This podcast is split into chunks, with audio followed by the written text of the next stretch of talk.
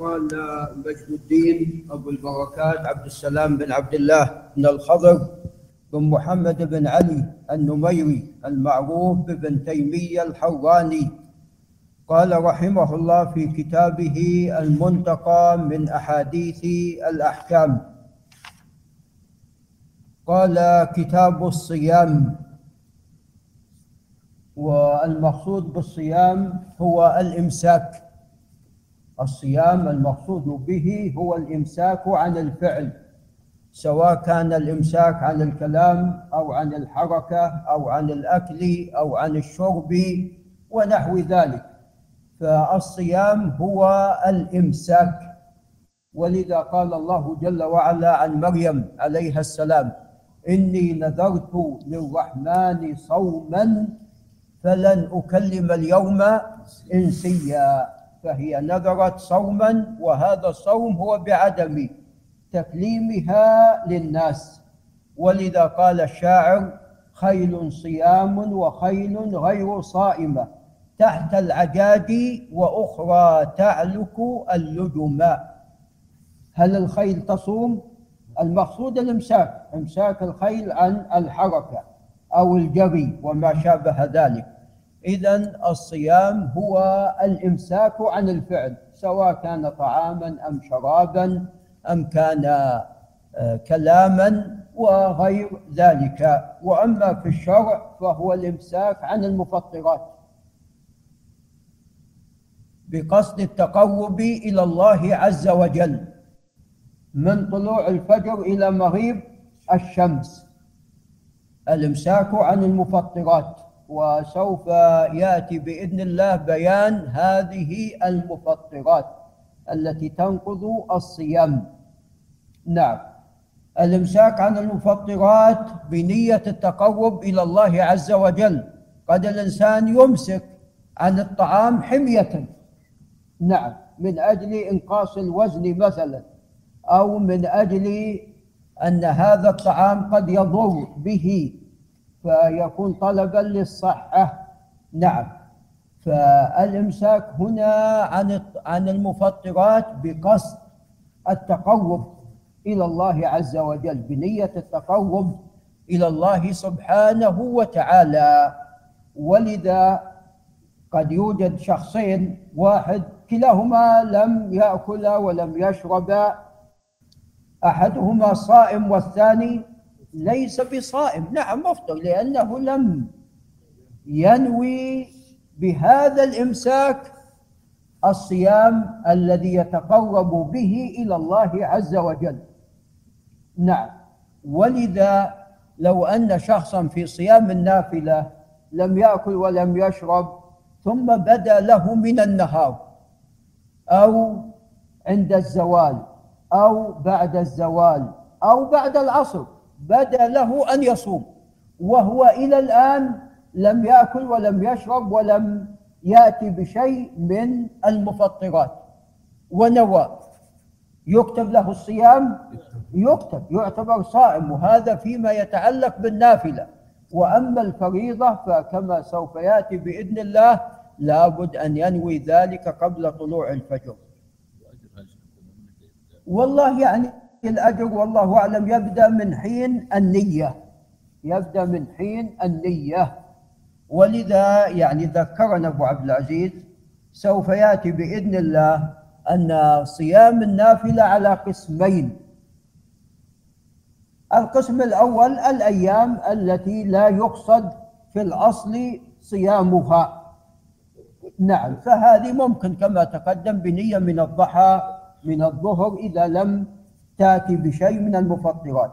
وصيام مقصود وعفوا أيام مقصود صيامها. مثل يوم عرفة آه، ستة من شوال نعم. المحرم نعم. عاشوراء نعم. فهذه والله أعلم لابد تنويها أيضا من طلوع الفجر. الرسول عليه الصلاة والسلام كما في حديث أبي أيوب الأنصاري في حديث عمر بن ثابت الأنصاري الخزرجي عن أبي أيوب الأنصاري في مسلم. قال من صام رمضان ثم أتبعه بست من شوال. كأنما صام الدهر كله.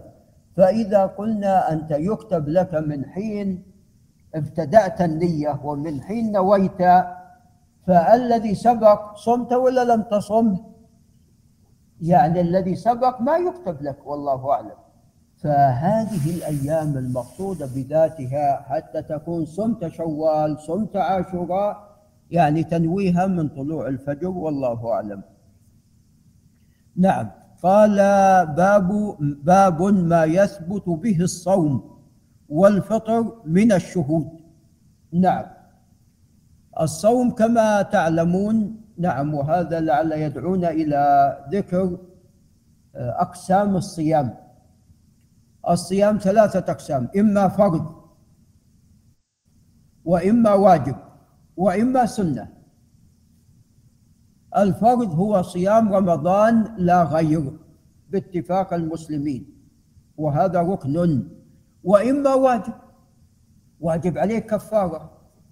نعم عليك كفارة كفارة ظهار كفارة إنسان أتى أهله في رمضان ولا يستطيع نعم. أن يعتق نعم. ولا يستطيع نعم. فينتقل هنا إلى الصيام كما مر علينا في قصة المحترق فالمهم عليك كفارة. فهذه صيام هذه الكفارة واجب. نذرت أن تصوم شهرا. فهذا النذر واجب. الوفاء به نعم. فإذا هذا القسم الثاني الصيام الواجب وهو ليس مثل الأول الأول ركن. الثالث الصيام المستحب. نعم الذي ليس بواجب وهذا كما تقدم على قسمين. نعم. فالصوم الذي هو فريضة وركن هو صيام رمضان لا غير. رمضان يثبت بأسباب ويخرج كذلك أيضا ينقضي. يثبت بواحد من أمرين أو كلاهما إما برؤية الهلال في ليلة الثلاثين. نعم. فيكون اليوم الذي يلي هذه الليلة هو اليوم ماذا؟ الأول.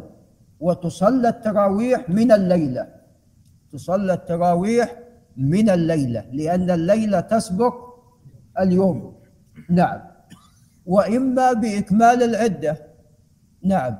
إذا لم يرى يرى الهلال فتكمل عدة شعبان ثلاثين يوما. فأحيانا تكمل العدة وترى أيضا ماذا؟ الهلال. ترى تكمل عدة شعبان وترى هلال رمضان. فالشهر يثبت بواحد من هذين الأمرين.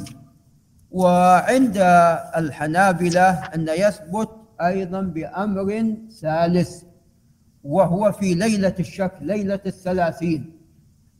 إذا حال دون رؤية الهلال سحاب وقتر نعم ليلة الثلاثين. ترأينا أردنا أن نتراءى الهلال فكان هناك سحاب وقتر وغبرة فقالوا في هذه الحالة يصام صبيحة يوم هذه الليلة.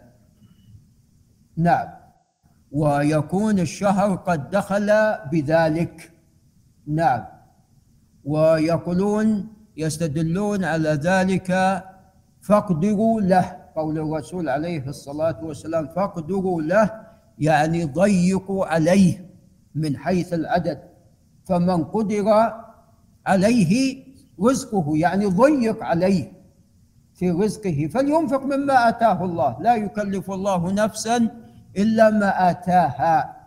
وهذا قول قد انفردوا به عن باقي أهل العلم وقد جاء ذلك عن عبد الله بن عمر رضي الله تعالى عنهما. والصواب أنه لا يعتبر بذلك. نعم إذا حال دون رؤية الهلال سحاب وقطر خلاص نكمل العدة. نعم لأنه قد بين في موضع آخر فاقدروا له أي أكملوا عدة شعبان ثلاثين. وكذلك أيضا في انقضاء رمضان وثبوت العيد. فإما أن يكمل رمضان ثلاثين يوم في ليلة الثلاثين إذا ترأينا الهلال ولم نرى نكمل رمضان ثلاثين يوما. وإما نعم إذا رأيناه فبها يكون في صبيحة هذه الليلة التي رأينا فيها الهلال يكون هو اليوم الأول من أيام شوال فيكون هو يوم العيد. نعم فيثبت بذلك. نأتي إلى الشهود. نعم قد اختلف أولا الشهود طبعا لابد أن يكونوا من أهل العدالة. وأيضا لعل الشيخ أحمد بن محمد آل علي ينتبه وأيضا من أهل الخبرة. نعم. من أهل العدالة معروف معروفين بالعدالة. من أهل الخبرة لابد يعرفون منازل ماذا؟ منازل الهلال. وين وين يخرج الهلال؟ وقد حدثني أبو فهد نعم الخضيري الذي بحمد الله يرى الهلال وهو موجود. حدثنا بالأحرار وهو موجود حي في سدير فأتوا إليه وفد من جامعة الملك عبد العزيز. ومعهم خرائط متخصصين بالفلك. دك بعضهم دكاترة متخصصين بالفلك. نعم جاءوا. وحسابات معهم يعني وكذا خريطة وكذا. فقالوا له يلا أرنا الهلال. أي هو نعم. فقال لهم هذا. فأسقط في أيديهم نعم. طلعت الخرائط والدراسات. نعم. فالخبرة. الخبرة. نعم. الخبرة. هم نعم هم يدرسون ولكن ما عندهم خبرة. أنت درست نعم درست قرأت النجوم وبنات نعش والجوزة وكذا وكذا. طيب وين الجوزة؟ ما ندري منا منا السماء مليئة كلها بالنجوم. ما ما ندري. نعم. فلا بد يكون يعني عنده خبرة في مكان نعم رؤية الهلال. أي نعم منازل القمر. نعم. فله 28 منزلة. نعم. فيعني قال لي أحد الإخوة قال إن شخص زعم رأى أن قال لي أحد الإخوة توفي اللي حدثني. قال شخص رأى الهلال. قال جيت أزوره. فقال دخلوا علي وهو يقاد. شلون ترى الهلال وأنت؟ وأنت تقاد. نعم. فلا بد يعني يكون يعني أيضا معروف بحدة البصر. نعم. فهذا ما يتعلق بمسألة أيضا نعم الصوم والإفطار والشهود. فعندنا ثلاثة مسائل بوب عليها المصنف. قال عن ابن عمر رضي الله عنهما قال تراءى الناس الهلال. هذا في ليلة الثلاثين. لابد أن يتراءى. قال فأخبرت رسول الله صلى الله عليه وسلم أني رأيته فصام وأمر الناس بصيامه. هذه المسألة التي أنسيت. وقع فيها خلاف. هل لا بد من شاهدين عدلين أو يكتفى بشاهد؟ فظاهر حديث ابن عمر أن الرسول عليه الصلاة والسلام اكتفى بشهادته. اكتفى بشهادته. وبعض أهل العلم ممن يرى شاهدين يقول أن الناس تراءوا يعني هناك من رأى وأنا أيضا ممن رأيت. نعم. ولكن هذا خلاف الظاهر. ولذا قال فأخبرت رسول الله صلى الله عليه وسلم أني رأيته فصام وأمر الناس بصيامه. قال رواه أبو داود والدار قطني. وقال تفرد به مروان بن محمد وهو الطاطر الدمشقي ثقة. عن ابن وهب وهو عبد الله بن وهب القرشي مولاهم المصري وهو ثقة أيضا حافظ. قال وهو ثقة. عن يحيى بن عبد الله بن سالم وهو جيد الحديث. عن أبي بكر بن نافع وهو ثقة عن أبيه نافع مولى بن عمر وهو ثقة عن ابن عمر رضي الله تعالى عنهما. وصححه ابن حبان والحاكم على شرط مسلم لأن رجاله رجال مسلم هؤلاء. وصححه أيضا أبو محمد بن حزم وهو رجال ثقات وليس فيه شيء. إلا مسألة الغرابة فهو غريب. نعم وقد وقد توبع قد توبع آه، مروان بن محمد. مروان بن محمد قد توبع. دار قطني يقول تفرد به مروان بن محمد ومروان قد توبع عند الحاكم. ولعل الابن طارق يخرج الإسناد عند الحاكم. أنا اللي أذكر أنه توبع. نعم لكن ابن وهب تفرد به. نعم.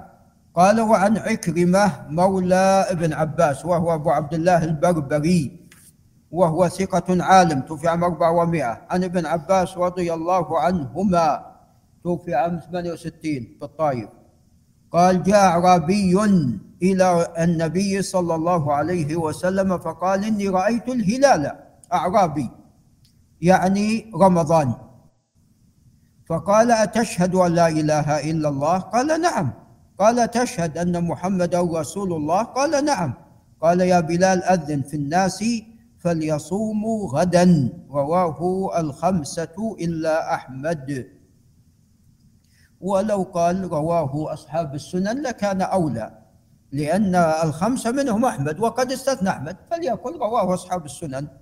قال ورواه أبو داود أيضا من حديث حماد بن سلمة عن سماك عن عكرمة مرسلا بمعناه وقال فأمر بلالا فنادى في الناس أن يقوموا وأن يصوموا وأن يقوموا. هذه غير محفوظة تفرد بها حماد. وهذا الحديث ضعيف الصواب أنه مرسل. قال أبو عيسى الترمذي أكثر أصحاب سماك رووه عن عكرمة مرسلا وسماك في رواية عن عكرمة بعض الشيء. قلت ومنهم الثوري وهو إمام حافظ ومنهم حماد بن زيد وهو أيضا ثقة حافظ. نعم.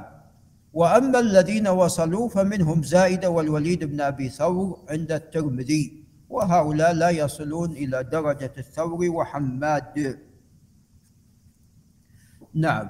منهم عفوا حماد بن سلمة لأن هنا نعم حماد بن سلمة ليس حماد بن زيد لأن هنا قال نعم. قال رواه مرسلا فالصواب في هذا الحديث الإرسال. قال وعن ربع بن حراش وهو ثقة من كبار التابعين. نعم ربع بن حراش الأسد الكوفي عن رجل من أصحاب النبي صلى الله عليه وسلم. قال اختلف الناس في آخر يوم من رمضان. فقدم أعرابيان فشهد عند النبي صلى الله عليه وسلم بالله لأهل الهلال أمس عشية.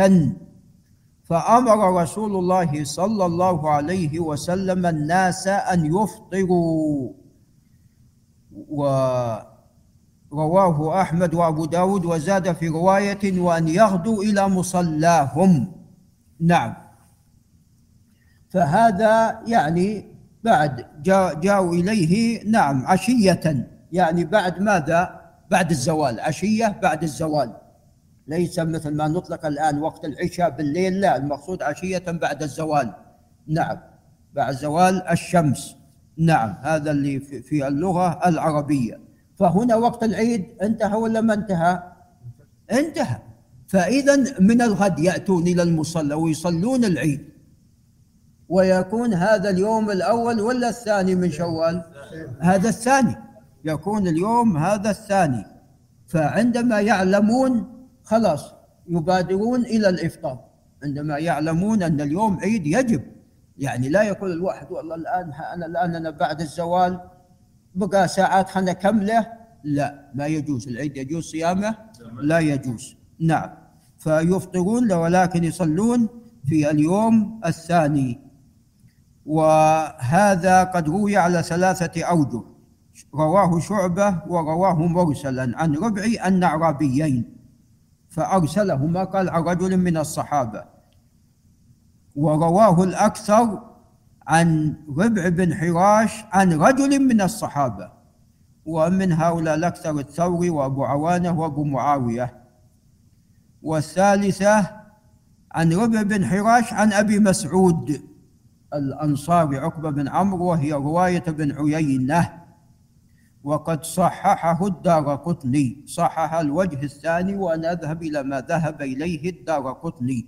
فالصواب عن رجل من الصحابة فالحديث صحيح والله أعلم. وقد جاء بمعنى من حديث أبي عمير بن أنس بمثله رواه أبو داود. ولو أن المصنف ذكره لكان أولى. نعم. ولعل يذكر فيما بعد خل أبو صالح يسجل هذا لا ينساه. قال وعن عبد الرحمن هذا الاستدراك. قال وعن عبد الرحمن بن زيد بن الخطاب أنه خطب في اليوم الذي شك فيه يوم الثلاثين. فقال ألا إني جالست أصحاب رسول الله صلى الله عليه وسلم وسألتهم وإنهم حدثوني. أن رسول الله صلى الله عليه وسلم قال صوموا لرؤيته وأفطروا لرؤيته وانسكوا لها. النسك المقصود به العبادة. من عبادة رمضان ومن عبادة الأضحى. فإن غم عليكم نعم جاء غمام منع.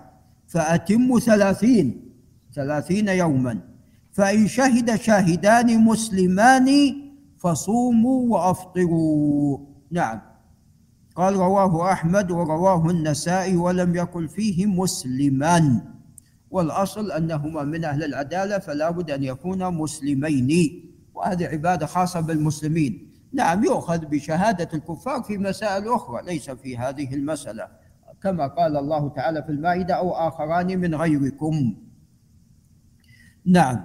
وهذا الحديث صحيح. قال وعن أمير مكة الحارث بن حاطب وهو, صحابي رضي الله عنه قال عهد إلينا رسول الله صلى الله عليه وسلم أن ننسك للرؤية. يعني نتراءى. فإن لم نره وشهد شاهد عدل أنهم رأياه إحنا ما رأينا لكن غيرنا رأى نسكنا بشهادتهما. رواه أبو داود والدار قطني وقال هذا إسناد متصل صحيح وهذا صحيح. وهذا الحديث والذي قبله فيه لا بد من شاهدين. فالجمع بين هذه الأحاديث والله أعلم أن في دخول رمضان يكتفى بشاهد. وأما خروج رمضان وبقية الأشهر لابد من شاهدين. أما في خروج رمضان وثبوت آه، دخول الشهر في غير رمضان فلا بد من شاهدين. في يعني مثلا في ذي الحجة لا بد من ماذا؟ من شاهدين. وأما رمضان عندنا حديث عبد الله بن عمر. نعم. ولعل نقف عند هنا. هذا وبالله تعالى التوفيق. آمين.